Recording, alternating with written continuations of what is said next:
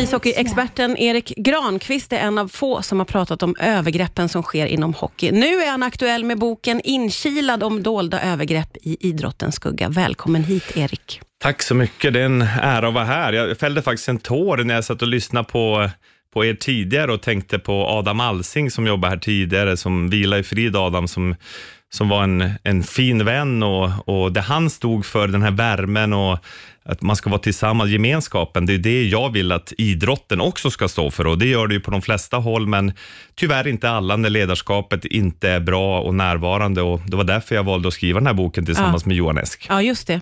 Du, inkilning, det är ju en ritual som du själv blev utsatt för. Kan du berätta om den ritualen? Ja, alltså ritualen eh, som, som var för mig på den tiden, då var det normaliserat i vissa klubbar och lag att när, när man eh, kommer som ny rookie, som man säger, eh, så ska man gå igenom en, en ritual, en inkilning för att bli medlem i laget. Och, och i, I mitt fall där uppe så var det ju ett, eh, ja, men ett grovt övergrepp eh, och utan att gå in i detalj på vad de gjorde så var det ju ja, men hålla fast eh, på en massagebänk och raka bort allt hår på kroppen och, och, och dra i könsorganet med snöre och så. Och, och grejen, när det var klart så, eh, så tänkte jag att okej, jag, eh, det, det är bara att bita ihop och gå vidare. Men problemet var att jag pratade inte med någon om det. Jag var rädd att min karriär skulle krascha och, och min dröm att, att få spela på den högsta nivån i Sverige, som jag hade lagt tiotusentals timmar på, Ja. skulle förstöras. Och, och då valde jag att vara tyst och bita ihop och vara hård och, och, och kämpa på isen är ju jättebra, men, men utanför isen, när rustningen är av, så kan det skapa enorm psykisk ohälsa, vilket det gjorde för mig. Och jag började få självmordstankar och drevs in i väldigt djup psykisk ohälsa och självmedicinering och så. Men Ja. jag önskar att jag hade haft resurser att kunna be om hjälp då och våga prata om det. Och det är en del av den här boken Inkilad som jag och Johan Esk har skrivit, att om du som barn eller ungdom utsätts för någonting, be om hjälp, våga prata med någon. Det kan vara en skolkurator eller någon annan vuxen eller BRIS eller någon sån här organisation så att man inte bär det inom sig Ja, just och det. det börjar äta upp en inifrån. Men det blir ju väldigt svårt då när det är en sån stark kultur. Du kände till att den här typen av ritualer fanns innan, eller var det här första gången du förstod det? Nej, jag, jag kände till det direkt jag kom upp och, förstod att nu kommer jag vara här i A-laget eh, länge, för den andra målvakten blev avstängd efter att ha tagit nacksväng på domaren, så då förstod jag, usch, nu riskerar jag ju att bli inkilad. Jag har hört talas om det, om, om att de rakade håret och även eh, på kroppen. Och då frågade jag, finns det något sätt att komma undan? Ja. Nej, det gör det inte. Och gör du motstånd blir det bara värre. Det var någon som hade gjort motstånd och då blev bröstvårtorna avhyvlade och de började blöda. Herregud, det är ju så otroligt hemska saker du berättar om. Jo, det är det. Men det är Thomas Boström är med i boken och, och pratar om det tidigare justitieministern. Han säger att det är alltså våldtäkt skulle det vara idag om, om, om det skulle ske och man polisanmäler det. Och Ja. Det är upp till fyra års fängelse för, för den typen av brott. Och det som gjorde mig bestört när jag valde att berätta i Viaplay Hockey Podcast med Niklas Ide och Rickard Wallin då, eh, eh, om det jag hade utsatts för för över 30 år sedan, då kom det tusentals berättelser från nutid, att det Ja, just det. fortfarande förekommer i ungdomsidrotten.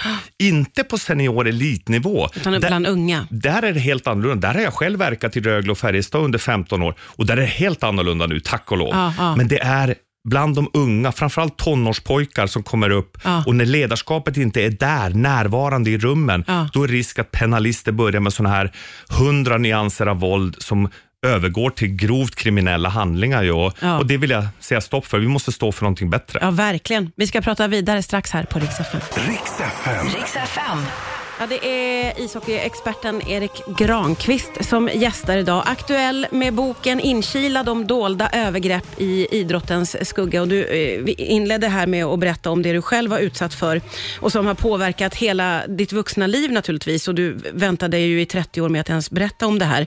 Va, vad, är, vad är syftet med den här typen av ritualer? Ja, syftet är ju att eh, du, du ska genomgå en, en sån här minitortyr för att få bli välkommen in i gemenskapen. Men det är ju ingen som börjar med, som i mitt fall, jag hade Pelle Lindberg som idolmannen med den vita masken. Jag ville göra plockningar och jag ville göra slidningar. Eh, och, och, Det som händer på isen, det är tufft och hårt och precis så ska det vara. Det är mycket känslor ja. inom den regelboken.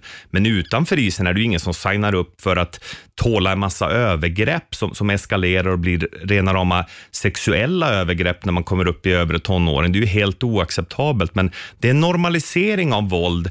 Om inte vi vuxna, både i ledarroller och föräldraroller, är vaksamma och säger vänta, stopp, det här är helt oacceptabelt, vi ska stå för någonting annat, då är risken att det fortfarande pågår. Det är bara därför jag skriver den här boken. Det är för att öka kunskapen och medvetenheten så att vi inom idrotten kan stå för någonting annat, alltså fostra väldigt schyssta medmänniskor som tar med sig det i den gemenskapen, det man lär sig i idrotten, oavsett om det är hockey som jag älskar eller någon annan sport, så tar man med sig det ut i livet, tar med sig det till mm. skolan, bli den personen som vågar säga ifrån när andras omdöme brister. Mm. Bli den som är den här, som Börje Salming var, eller Gabriel Landeskog, stenhård, stark och modig på isen, sårbar, väldigt omtänksam lagkompis utanför. De två sakerna kan samexistera mm. och det är så viktigt att alla föräldrar och ledare förstår det så vi kan bli förebilder för vår, det käraste vi har, våra barn. Men du sa ju det att du har fått eh, brev från väldigt många eh, som har varit med om samma sak och det här pågår fortfarande idag. Hur ska man få bukt med det här problemet? Jag, jag hör ju vad du säger att det kräver sin ledare, men det känns ju som att det är ett otroligt mycket större problem.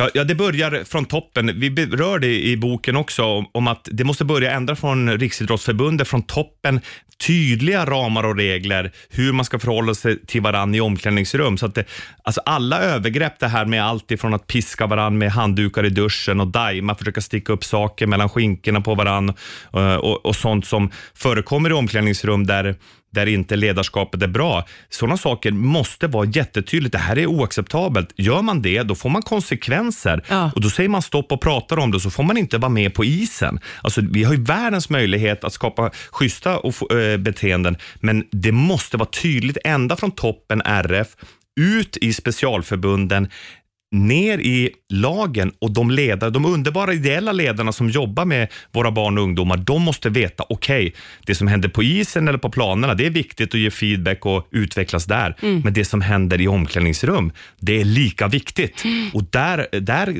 det löser sig inte av sig själv. Och Sen vill jag också att en extern organisation som till exempel Safe Sport Sweden eller någon som inte är kopplad till idrottsrörelsen kan komma in och göra externa utredningar och stötta om det sker såna här grova kriminella handlingar. Men det bästa är ju som du säger att ändra kulturen från att de är unga och förebygga i tidig ålder. Mm. Vi ska prata vidare om vad du har fått för reaktioner från hockeyn. Det gör vi strax här på Rix FM. Rix FM. Rix FM. Ja, det är Erik Granqvist som gästar idag. Aktuell med boken Inkilad om dolda övergrepp i idrottens skugga. Och jag måste få fråga, vad har du fått för reaktioner från ishockeyns värld från det att du berättade första gången och även på den här boken? Ja, men ishockeyns värld, där är det ju väldigt tyst. Alltså det, det, är få som vill ta i de här frågorna. Då pratar jag ända från toppen av Svenska Hockeyförbundet eller överhuvudtaget de som har status inne i den här hockeymiljön. Eh, Många blundar för det, många förnekar att det skulle, och tyvärr tror jag också har en okunskap att det fortfarande förekommer. Många har ju varit uppe på elit seniornivå de senaste 30 åren och, och, och, där har det förändrats, men att det fortfarande förekommer på ungdomsnivå, det tror jag dels är en okunskap och sen att många är väldigt rädda överhuvudtaget att ta i sådana här saker. Men inofficiellt så har jag fått eh, direkt när jag prat, vågade prata om det här för ett år sedan så var det ju som sagt tusentals eh, medierna som, som tackade för att jag berättar och belyser saker som de själva har sett, både förr i tiden men även i, idag och att vi måste jobba eh, för att förändra kulturen. Men, men också så är det, när boken har kommit ut här för, någon, för någon vecka sedan, som, när Norstedts gav ut den, så, så är det också väldigt många reaktioner av eh, Eh, alltså tacksamhet att öppna den här dörren så vi kan samtala, så vi kan eh, ja, men göra alla medvetna om möjligheten som finns inom idrotten, men också utmaningarna. Och Jag brukar säga att 90 procent är ju superbra. Fortsätt att göra det och förstärk det. Men de 10 procenten som vi måste förändra när det gäller jargonger, att göra miljön, till exempel hockeymiljön, mer inkluderande. Alltså oavsett vem du är, vilken sexuell läggning, bakgrund, vilket kön, eh, eh vilken eh, etnicitet, välkommen till oss. Du, du får vara med i vår gemenskap och sen går vi ut och kämpar tillsammans på, på rinken.